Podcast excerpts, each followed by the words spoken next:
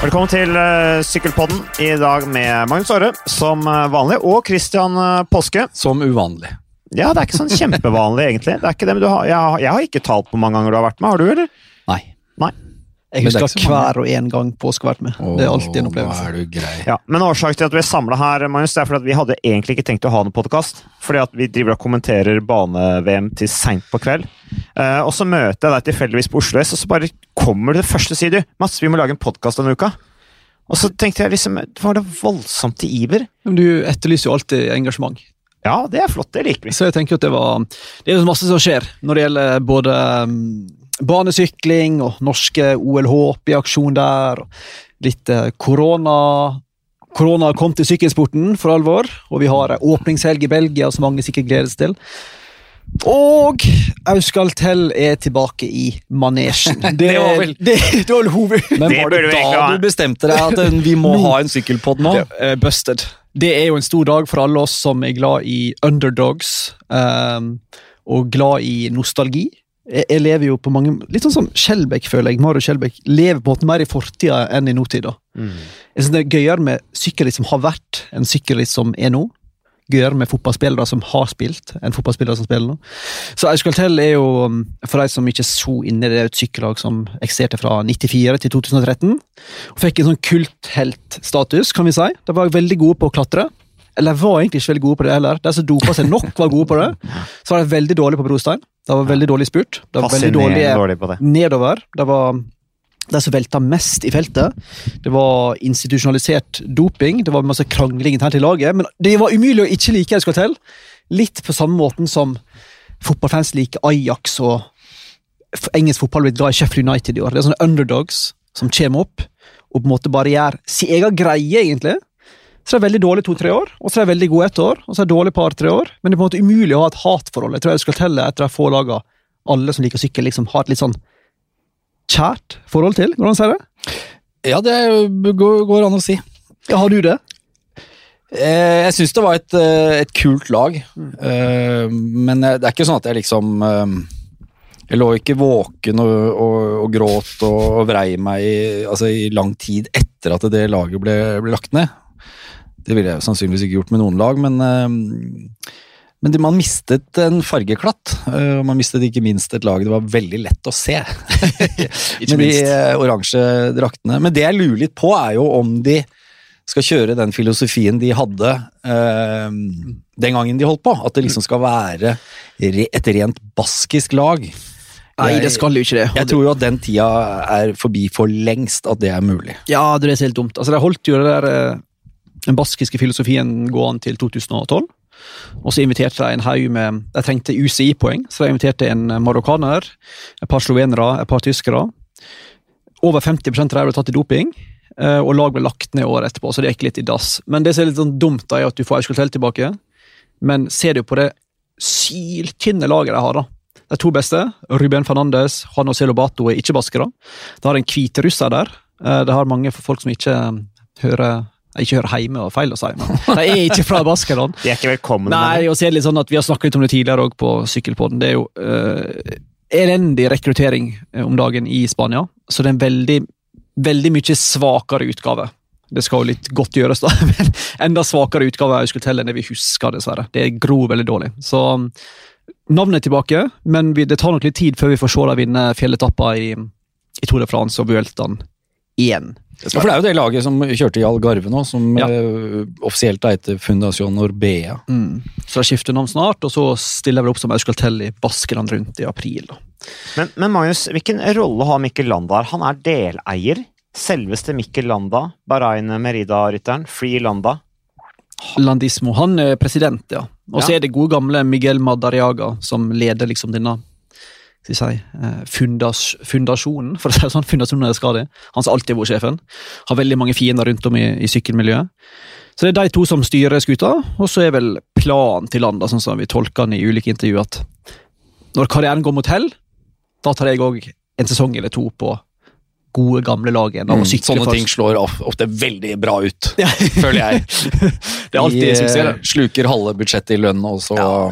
Han sikrer seg litt der, altså. Han har det der laget. Det er umulig å ikke signere Landa når han er president i laget. Og Det det, blir morsomt smart. også når de skal konkurrere sammen, Barain Merida og dette Fundación Euskadi, eller Euskatel, Mm. og de plutselig eventuelt sitter og tauer og drar i feltet når de ikke har noen ting å dra for, Ja, og så så sånn- tilfeldigvis har Mikkel Landa ledertrøye. Men da må jo eh, Noen regler må vel eh, UCI, ha, UCI ha som de kan eh, sette inn der og si at du kan ikke ha offisielle verv i et lag som er um, I hvert fall når det kommer, hvis de blir pro-team, da. Eksakt. Så Jeg spurte UCI om det der i fjor.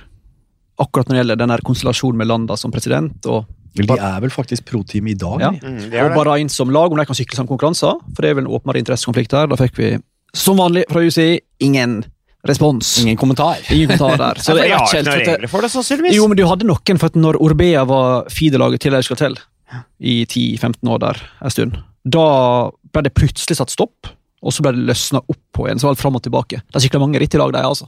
Mm. Litt samme som um, at Team Coop kan sykle Ja, nå er ikke de pro-team, men hvis de blir pro-team, så kan nok de òg sykle samme ritt som UAE, selv om Kristoff er medeier i Team Coop, så vidt jeg forstår det. Mm.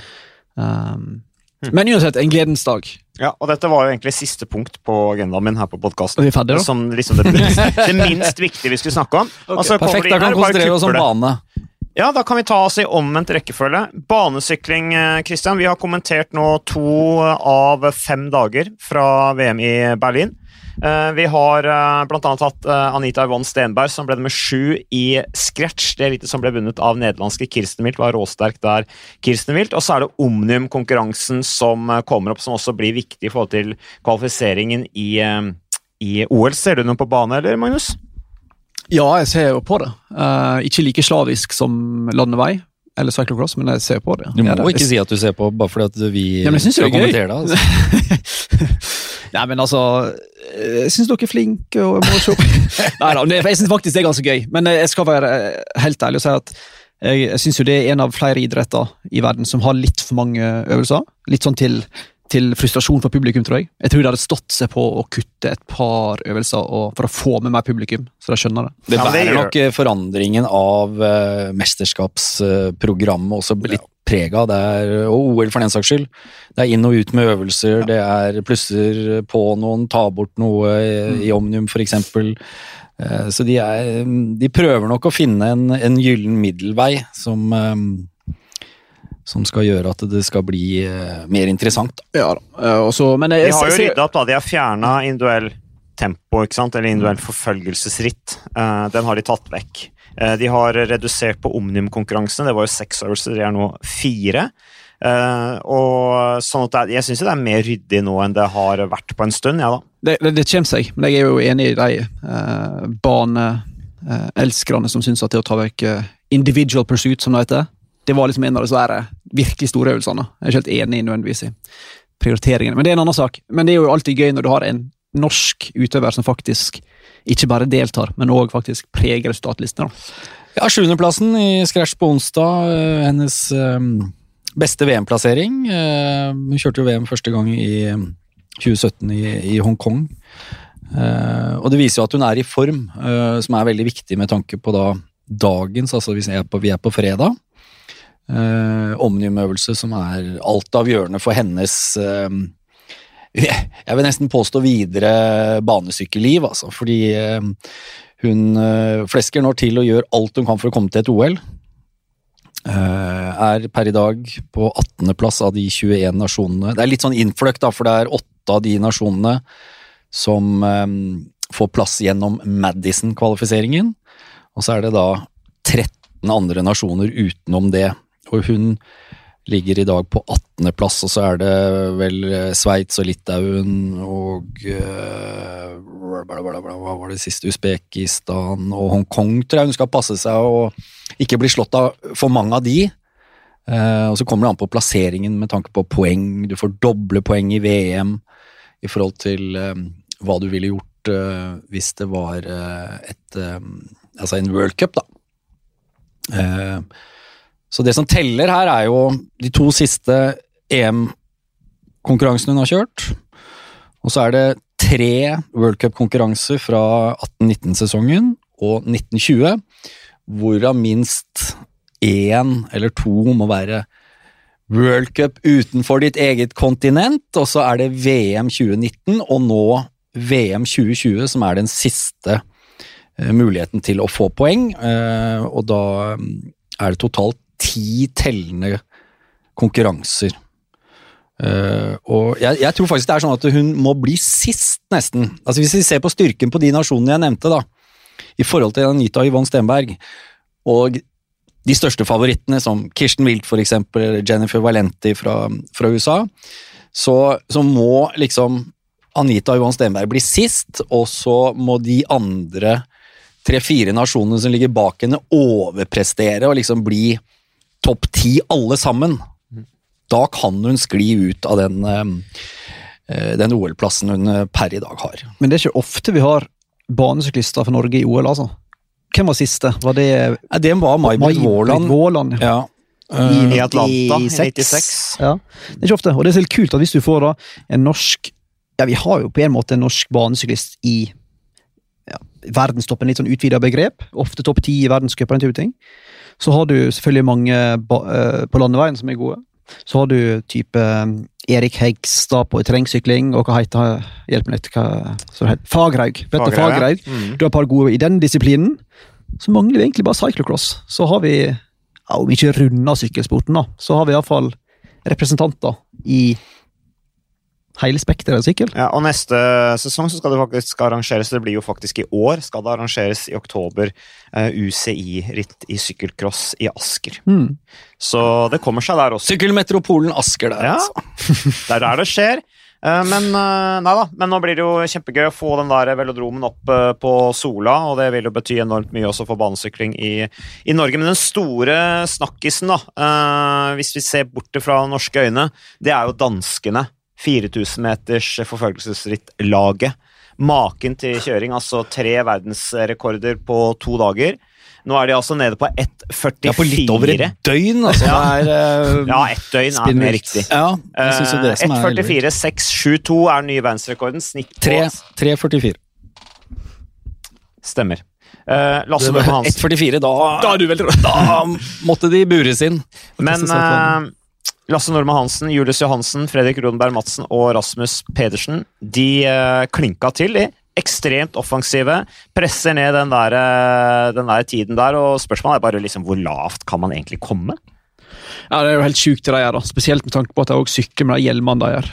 Så er det godt gjort. Ja, Fordi de ser ut sånn som de gjør de hjelmene, eller? Uh... Hovedsakelig. Det sier jo noe om hvor mye de ofrer, da for ja, resultatene. Når de har sykler rundt med Star Wars uh, Stormtrooper-hjelmene sine fra Pokker, det svenske merket. Ja. Men, men, Rodenberg prøvde for øvrig å kvitte seg med den i går. Han kastet den, men så var det en i støtteapparatet som klarte å fange den. Jo, men Det forteller jo da, uh, som jeg prøvde å forklare i går, hvor godt samspill, hvor samkjørte det laget er.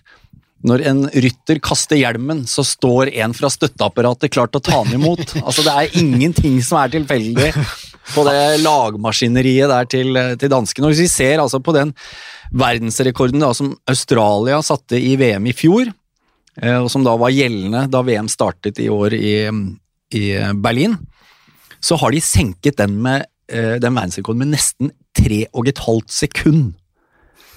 I en idrett hvor det er tusendelene som eh, kan skille, eller som brukes, da, og selvfølgelig sprint skiller det jo der, men men det er eh, tre, nesten tre og et halvt sekund. Det er sjukt mye, altså. Det er ganske sjukt når totaltida er på altså i underkant av fire minutter. Mm. Det er ganske stor prosentandel du faktisk fjerner. Det er ganske eh, Jeg vet ikke om den der eh, sibirske furuen på, i Berlin der er superrask, eller om det er et Den er blitt raskere, altså. Ja, men så vidt jeg har skjønt, så har den blitt refurbished uh, til dette VM her. Det er jo en, er en ganske gammel velodrom ja. uh, i sånn måte. Uh, den var vel ferdig i 90, 98, ja. 97-98. Mm. I forbindelse med en OL-søknad som som gikk Berlin eh, gikk, som gikk i dass. Ehm, men, eh, men, uansett, dette her eh, er jo like mye et treningsarbeid. altså Dette er jo noe danskene har vært gode på ganske mange år. Selv om det bare er andre gangen de vinner VM-gull i forfølgelsesritt for lag, så, så, har de nå en sånn kjerne av eh, lagtemporyttere, for å kalle det det, for å bruke et litt mer sånn landeveisuttrykk. Eh, Bra for opptrekket av Daniel Holgaard, da.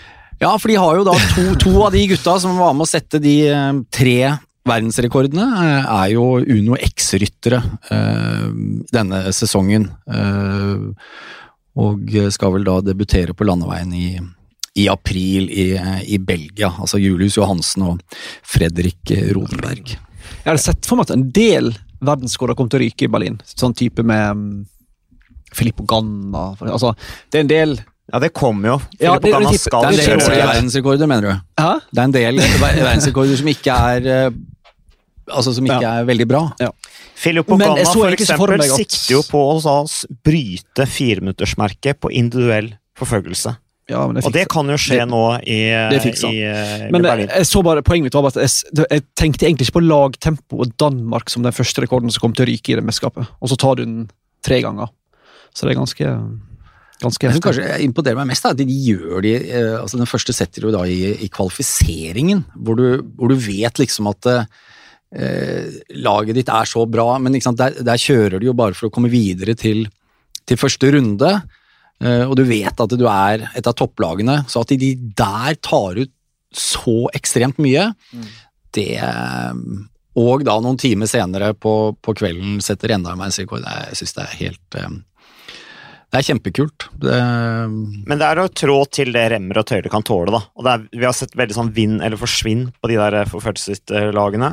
At de liksom De går på alt de har, og vanligvis i lagtempo på landeveien så ser man liksom at de sikrer litt, de venter litt, de holder litt igjen her. Men her er det bare snakk om å bare gå ut 100% og se om det holder. Og vi har sett flere lag som har kjørt som ikke sant? Vi tenker at de kjører som amatører, for de sprekker fullstendig opp. Det ender med at de sykler én og én rundt der, ikke sant. For det, holder ikke, og da er det på en måte ikke noe hvis, hvis, ikke det går, ja, hvis ikke det går, så, så sprekker hele laget, og så er det, da, det spiller ingen rolle, virker det som.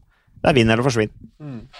Det jeg også synes er litt sånn eh, fascinerende med banesykling, er at jeg klarer liksom aldri helt å komme over det der hvor farlig det egentlig er. Det er greit nok at landeveissykling er farlig, at det går store massevelter, men det går så sinnssykt fort hele tida rundt og rundt. Og det, ja, det er ikke alle vet det, du har på en måte ikke bremse og de vanlige mekanismene en har på en vanlig landeveissykkel.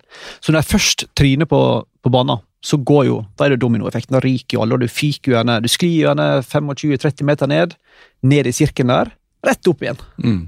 Det er ganske sånn ekstrem idrett, denne Helt banesyklinga. eh, ma masse brennmerker Ja, ja. og skrubbsår på, Av og til får du flis òg i den der si, parketten. Ja, du vi husker hadde jo han han eh, Avang, i går, ja. fra Malaysia, som jo eh, kjørte uh, altså Keirin, som jo er kjent for det. Er sånn sånn YouTube-klipp med han. Flis gjennom leggen der. Ja, det er helt brutalt. Så det er ganske mm, ekstrem idrett mange måter, Men, men hvis man skal se veldig mye farlige, eller på en måte sånn nesten velt og mye velt, så er det bare å se på i helga med, med, med Madison.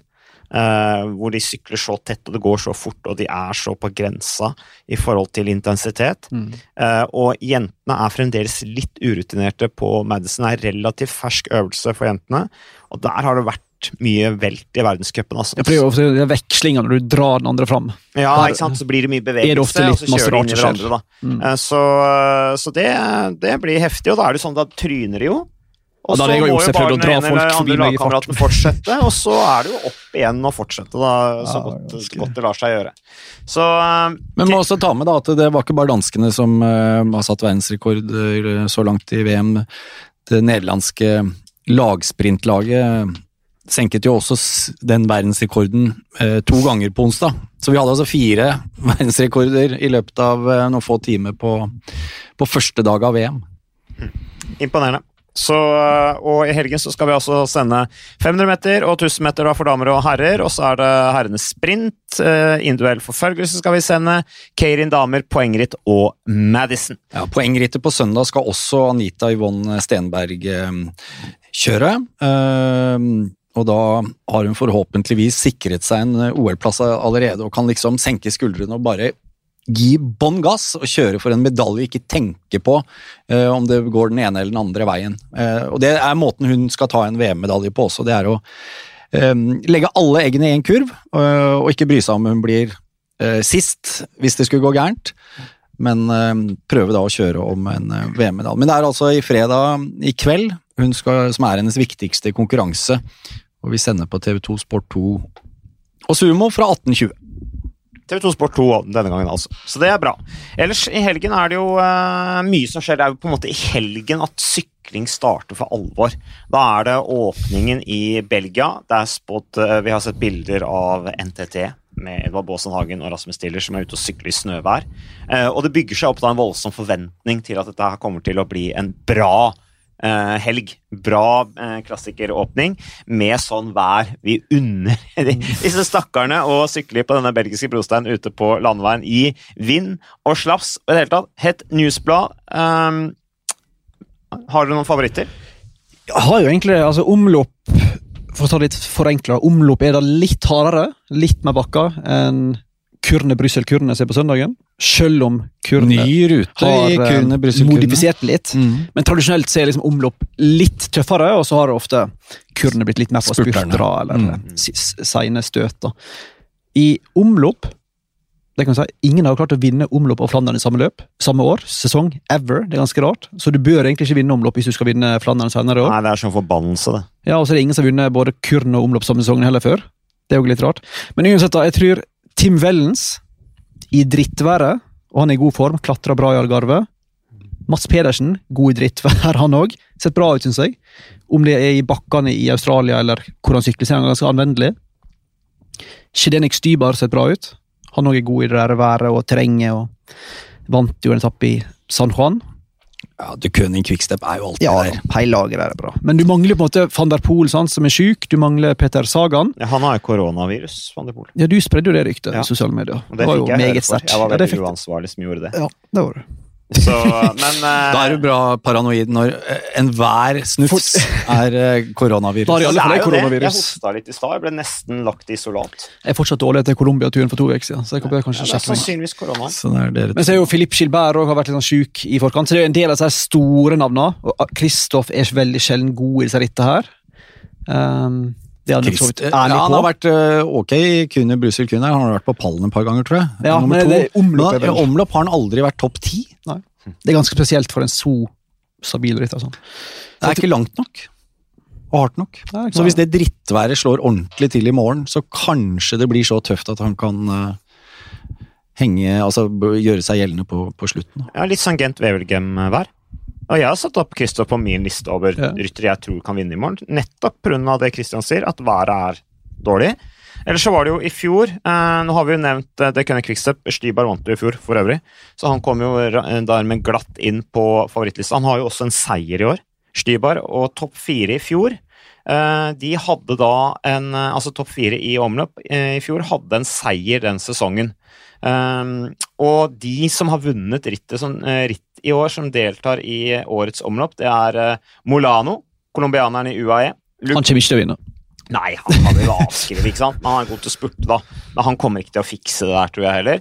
Luke Dorbridge, som jo vant det australske mesterskapet i tempo. Stybar har vi nevnt, og han vant jo også i fjor. Dylan Tøynes har uh, Ja, se for han. Se for ja, Dylan Tøynes. han er jeg litt spent på. Kjempeform, klatrer som bare det, er en skikkelig tøffing. Owen Dull, eh, Ineos-rytteren, har en seier fra, fra Frankrike. Lorenzo Manzin, franskmannen, har en eh, seier. Han tror jeg ikke vinner, det var i Bagon. Og så er det Dris de Bont som også har en eh, seier blant de som er deltakere i årets omlopp, het Newsblad.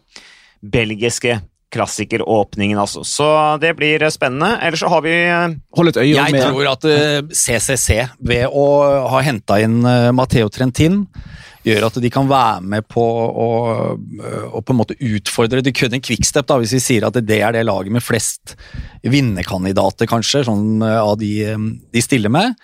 Så gjør det at Greg van Avemat får eh, litt avlastning. Jeg tror faktisk en av de to gutta vinner. Ja. Det er et godt tips, det. Og vær opp- obs på van Ert. Veldig spent på å se hva han får til, sammen med Amund Grønn Alliansen. Van Ert skulle jo egentlig ikke kjøre. Mm. Han har bytta om programmet sitt pga. Eh, disse rittene i Italia som blir eh, Kanskje blir sannsynligvis avlyst. avlyst. Mm.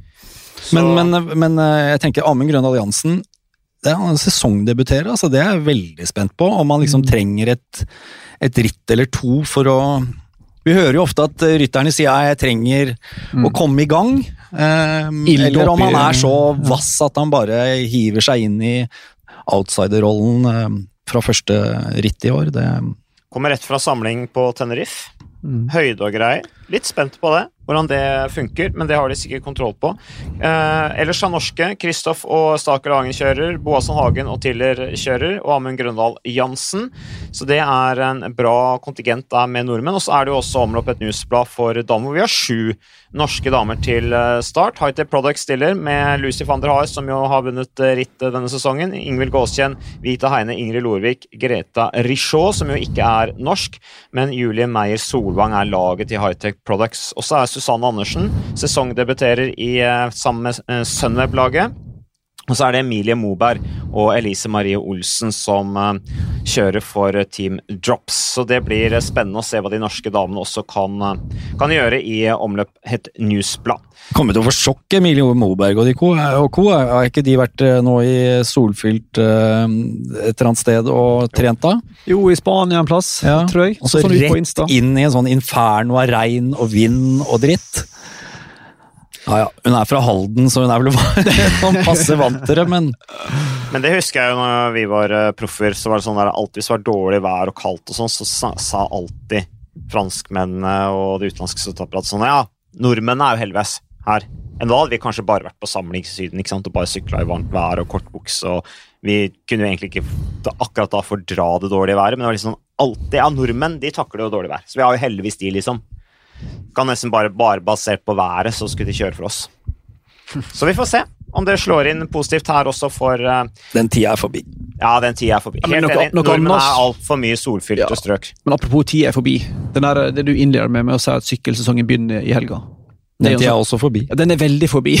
Nei, ikke hvis du er nostalgiker. Du åpna her den podkasten med å si at du var nostalgiker, og si at liksom alt det som var før, er mye mer gøy. Og sånn jeg husker når jeg var liten gutt òg, Omloppet newsblad var starten liksom på sesongen. Og i mitt hode så er det den. Vi høres veldig utdatert ut hvis vi sier det. da. Ja, men uh, jeg prøver bare å være nostalgiker. Men de historiske semiklassikerne og klassikerne i, i Belgia og Nord-Frankrike definitivt starter den ja, helgen. Ja. Men så er det noen også at sesongen begynner først i Paris-Nice. Og så er det Tour de France. For mange norske publikum så begynner sesongen der det har jo endra seg enormt. ikke ja, sant? Ja. Men Paris-Nice det var treningsritt i gamle dager. Det var jo sånn der Vi sykla jo rolig til det var en fem mil, og så kom kameraene på, og da begynte de å kjøre. Sånn var det i gamle dager. Nå er det jo et helt annet trøkk i hvert eneste sykkelløp som kjøres, og alle lagene ønsker at ryttere skal vinne fra første tråkk. Så, så sykkelverdenen har forandret seg veldig. Det er mye mer prestisje, mye mer penger, mye mer press på rytterne og, og lagene til å prestere hvert eneste sykkelløp. Kurn Brussel, Kurn, eh, du nevnte at det var, eh, var et, eh, et, spurtløp. Um, var. Var. Det er vel også litt sånn nostalgisk, Magnus. Bob Jungels ja. vant i fjor. Ja. Jo, jo, men, eh, men eh, han kom vel aleine til mål, gjorde han ikke det? Jo. Eh, men det er klart Historisk så har det vært et, er mange flere spurtere som har, har vunnet i kyrne, Brussel-kyrne enn i, i omlopp, het Noisblad. Men nå har de forandra på løypa. Det er, altså, det, er, det er, hardere. De har riktignok fjerna to sånne berg, mm. men det er tøffere. altså Det er nærmere mål, så utskillelsen tror de, da, og jeg tror de håper også Han sa vel han rittdirektøren, at det er på tide å, å gjøre en forandring. Um, så det er ikke gitt at, um, at det er en um, ja, Ikke ren spurter, da, men at det er en Dylan Grønevegen, Grånevegen eller noe sånt som vant for to år siden, det er jeg ikke så sikker på. Mark Cavendish har, har vunnet. Det er vel ingen nordmenn som har vunnet Kyrne Bryssel Kyrne, tror jeg. Mens Thor har vunnet omlopp. Thor Hushovd har vunnet omlopp. Mm. Men uh, det, det, blir spennende å se. Det var litt sånn uh, Jasper Stoiben vant heller ikke spurt. Han vant også i uh, solobrudd angrep på, på, slutten. Så det er en sånn miks av ryttere. Der vil jo også været selvfølgelig ha, ha mye å, å, å, si. Der er vel Doffen med, skjønner du da? Jo, stemmer. Eller Kristoffer Halvorsen, for å bruke hans fulle navn. Mm. Hans egentlige navn. Og Uno X. Uno X er med. Så da har vi veldig bra norsk kontingent. Kristoff og Stake Langen stiller igjen. Eh, Halvorsen, som du sier, kjører for EF Education. Boasson Hagen og Tiller igjen. Eh, så de får to eh, tøffe ritt på, på rad. Og så er det Uno X, da, med Erik Nordsæter Ressel. Eh, Daniel og Markus Holgaard, brødrene. Anders Skårseth Jonas Abrahamsen og Jonas Iversby Widerberg som uh, kjører for UnoX. Det er stor helg for alle sykkelfans, og spesielt stort da Kyrne Brussel Kyrne for, for å trekke fra Mario Skjelbæk igjen. Det er hans favorittritt. det går ikke én dag her uten at vi hører om Luxembourg rundt og rundt og Andorra fram og tilbake. og Kurne Brussel Kurne. Jeg tror, skal, jeg tror ikke vi skal dra folk inn i alt det rare vi får slept etter oss eh, som er glad i sykkel i, i redaksjonen godt. eh, i TV 2. Ernst Lersven er jo sånn Hva er det i dag? En semiklassiker! Kvartklassiker. Ja, det, Man kan jo liksom diskutere hva som er en semiklassiker og klassiker. og i det hele tatt. Jeg skjønner jo at folk blir uh, forvirra av, uh, av det. Uh, men Det er jo ikke, Kyrne Brussel Kyrne er jo ikke et, um, et World Tour-ritt eh, på samme måte som omlopp. For omlopp er vel World Tour, er det ikke det? Mens Kune Brussel Kune er et pro-ritt. Det er jo en Stemmer. ny Stemmer. kategori på en måte, da. eh, som eh, Og det gjør jo at eh, ikke alle World Tour-lagene er med. Altså Laget til Amund Grønne Alliansen, Jumbo Visma, kjører ikke Kurne Brussel Kurne, så er det derfor vi ikke nevner han der. Mm.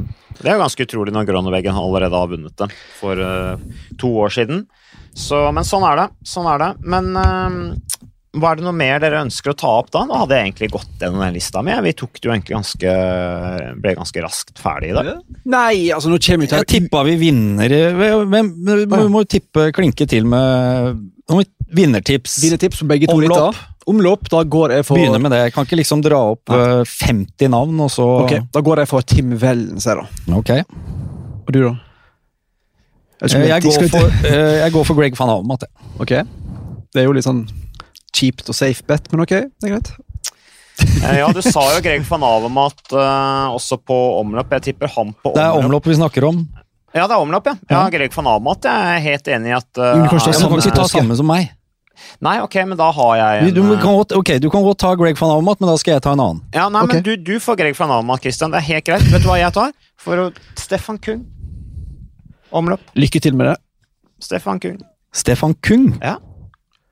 Ja, men han er en den. klasserytter, det. Sveitseren eh, som er god på tempo. Kjørte ble tre på tempoen i Algarve. Er en, blitt en god klassikerrytter. Er råsterk. Oser selvtillit. Men han, var, han har vært kjempeskuffa over den tredjeplassen i Algarve. Han vant jo året før. Ja da, men han er i bra sig. Han er i bra form. Jeg har trua på han. God, Og hvis den slår inn, folkens Ja, det er høye Du går for odds, du, eller? Nei, jeg, jeg gambler ikke. Men husk, King, dårlig vær, kupert, Yorkshire, ja, ja, bronse. Trua på han. Ellers har Mikael Wahlgren tror jeg også er på vei opp. Hele NTT-laget er, eh, er bedre enn det var. Eh, Så han ble fem på tempoen i BC. Det er ikke noe store greier, men jeg tror det plutselig så er han der igjen. Nå som de har liksom begynt å få orden på ting i, eh, i, i det laget. Men ok, da tar vi neste ritt. Kyrne, Brussel, Kyrne. Hvem går du for der påske? Uh, ja, si det. Uh, der går jeg for um, Alexander Kristoff. Nice. Mats Kagestad? Jeg tar John Degenkolb. Ja. Da får jeg ta tredje, andre valget mitt. Da Da tar jeg hvem var første, da? Jeg var frista til å si John Degen Kolberg òg, faktisk. Hva var det? Ja, Men da sier jeg eh, Jens Køkulere. God finish. Degenkolb rett fra sjukdom. Det er et godt poeng. Og så står han oppført med start, startnummer null på Pro Cycling Stats. Jeg vet ikke om det er en slags indikator om at det ikke går så bra. Kanskje jeg skal bytte, da, hvis jeg tar Mats Pedersen. Mats Pedersen. God spurt, god i mindre gruppe, god i dårlig vær. Ja, men da har vi det, folkens. Da er det bare å slå til. Så hvis ikke dere har noe mer dere skulle sagt da, så tenker jeg vi kan forberede oss til bane-VM. Det- Det, ser ut som du sitter og brenner inne med nå. Ja, jeg, brenner inne med litt eh, altså det, Når jeg tipper Alexander Kristoff, så er det litt med hjertet. eh, og en del med hodet. For jeg tror eh, han har kjørt veldig bra. Eh, kunne godt tippa han også egentlig i omlopp. Eh, det vi egentlig aldri eh, snakket noe særlig om under Algarve rundt, var jo hvor bra han kjørte på den etappen opp til Malau. Altså ikke den lengste stigningen, eh, men den som Lopez vant. Han eh, var altså topp 50 der. Det var ikke snakk om å sitte bak i en eh, gruppetto og komme 20 minutter bak i mål. Jeg tror han var vet ikke, drøye fire, fire og et halvt minutt bak, eller noe sånt. Ja, han var der og jobba. Jo, men altså, det tyder på at han, er i, han er i slag, tror jeg. Og så, eh, i tillegg så trenger vi en norsk seier. Altså, vi, vi, vi kan ikke holde på langt utover våren nå uten at vi får noen norske triumfer. Eh, og dette her sier jeg med stor respekt til UnoX, til Alex som har vært helt der oppe. Eh, at det, Altså, Sykkel-Norge, da. Eh, de, de, de sparer ikke på femteplasser og åttendeplasser og, Har vi blitt så store og at vi ikke niendeplass i Colombia. Jo, men altså, det er Sånn er det. Det er nye, nye verdensorden. Nei, men du forsvinner ut i, i alt det andre som skjer i idrettsverdenen. Nå tenker jeg litt sånn på mediebildet. Uh, hvis ikke de får noen seire.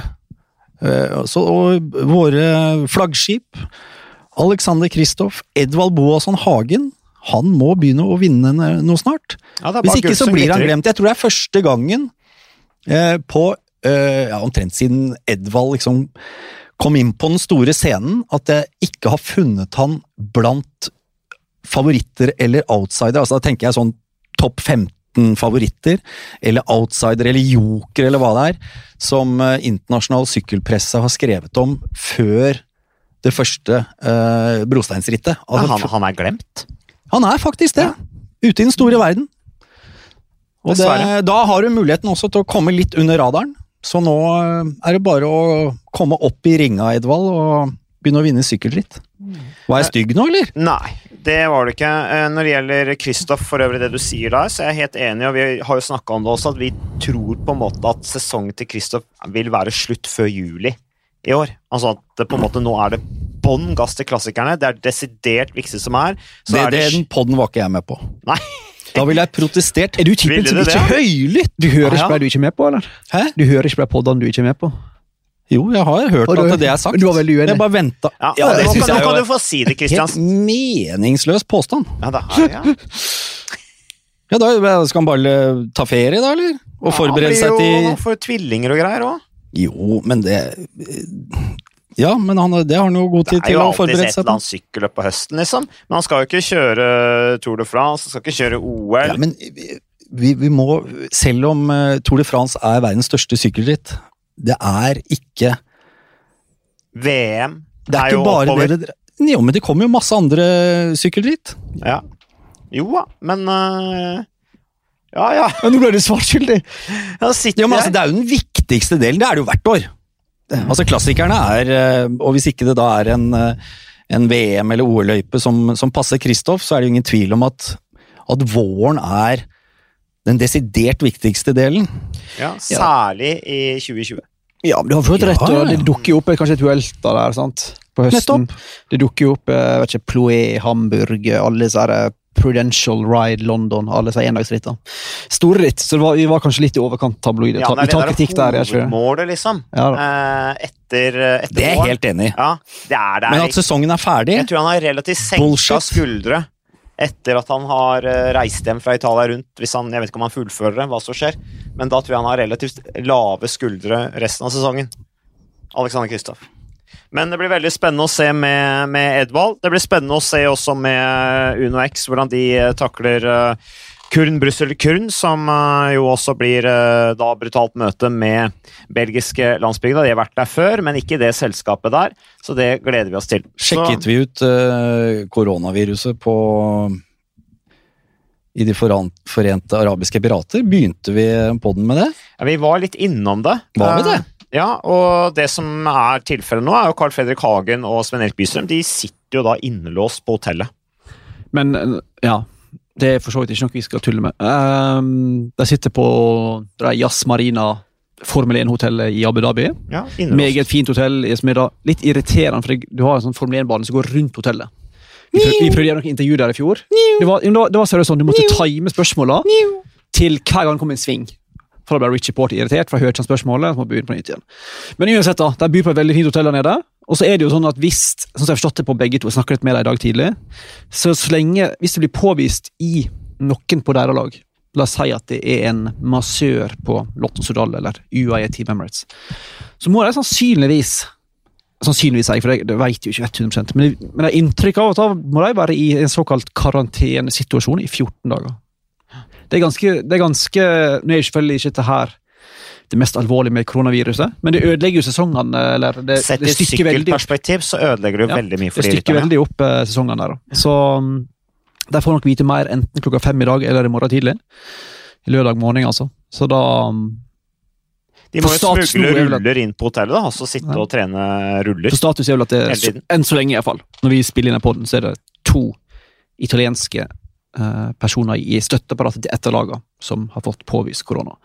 Så spørs det hvem, Det er, det, er, det er jo ganske omfattende, og eh, man må jo bare respektere og, og på en måte uh, se at ting eh, fungerer i, eh, blant helsemyndighetene der nede også. Uh, uh, men det er altså 140, eh, et startfelt på 140 ryttere.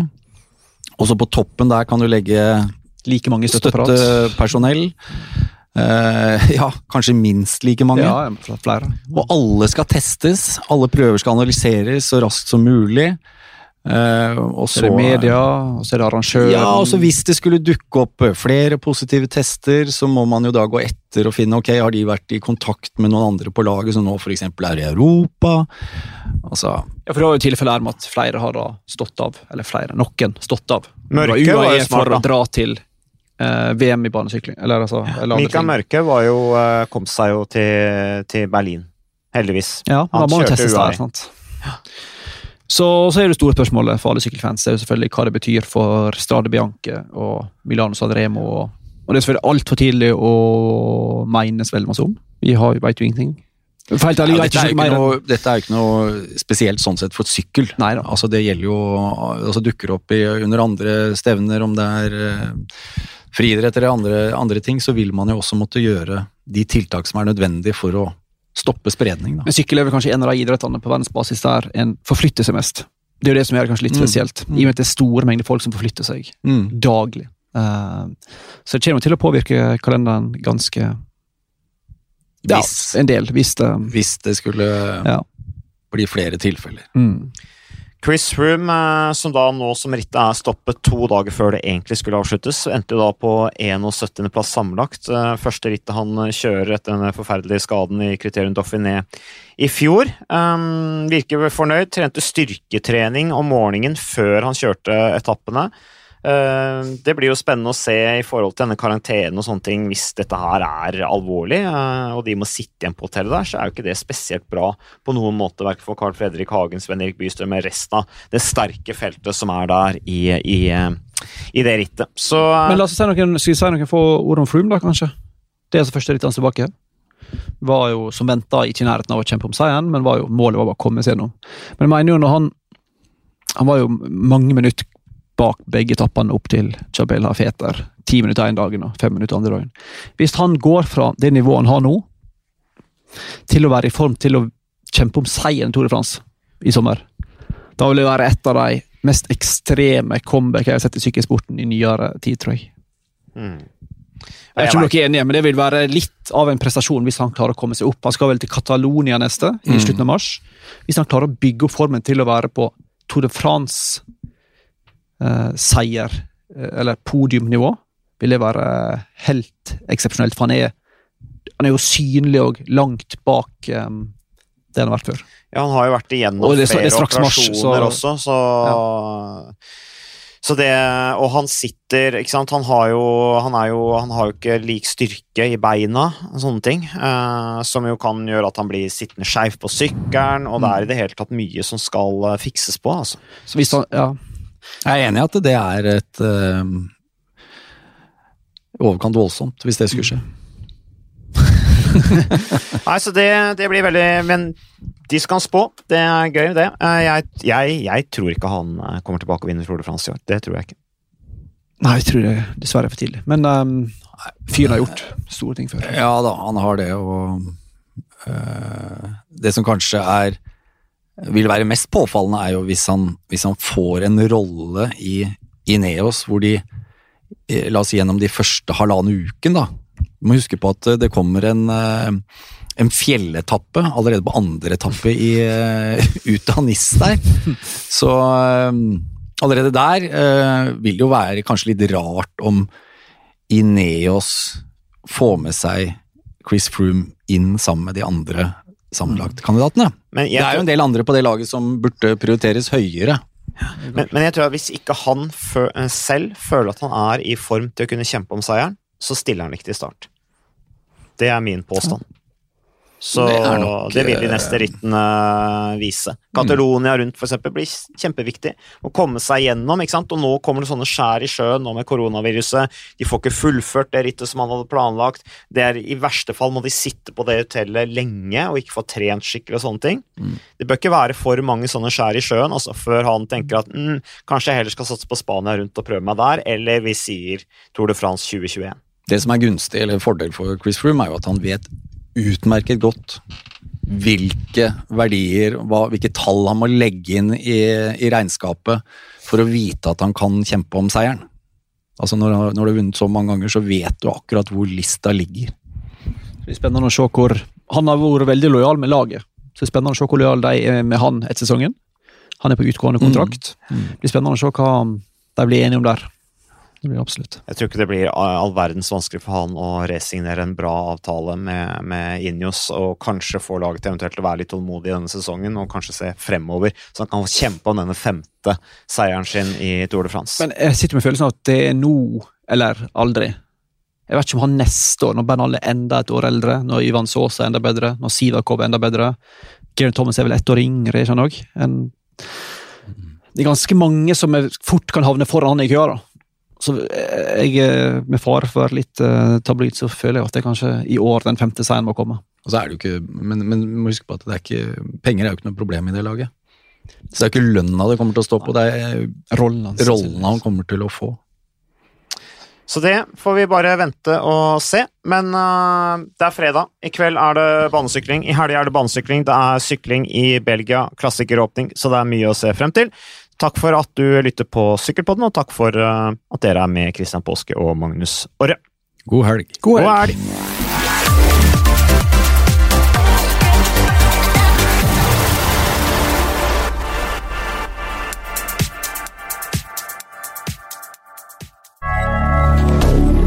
moderne media.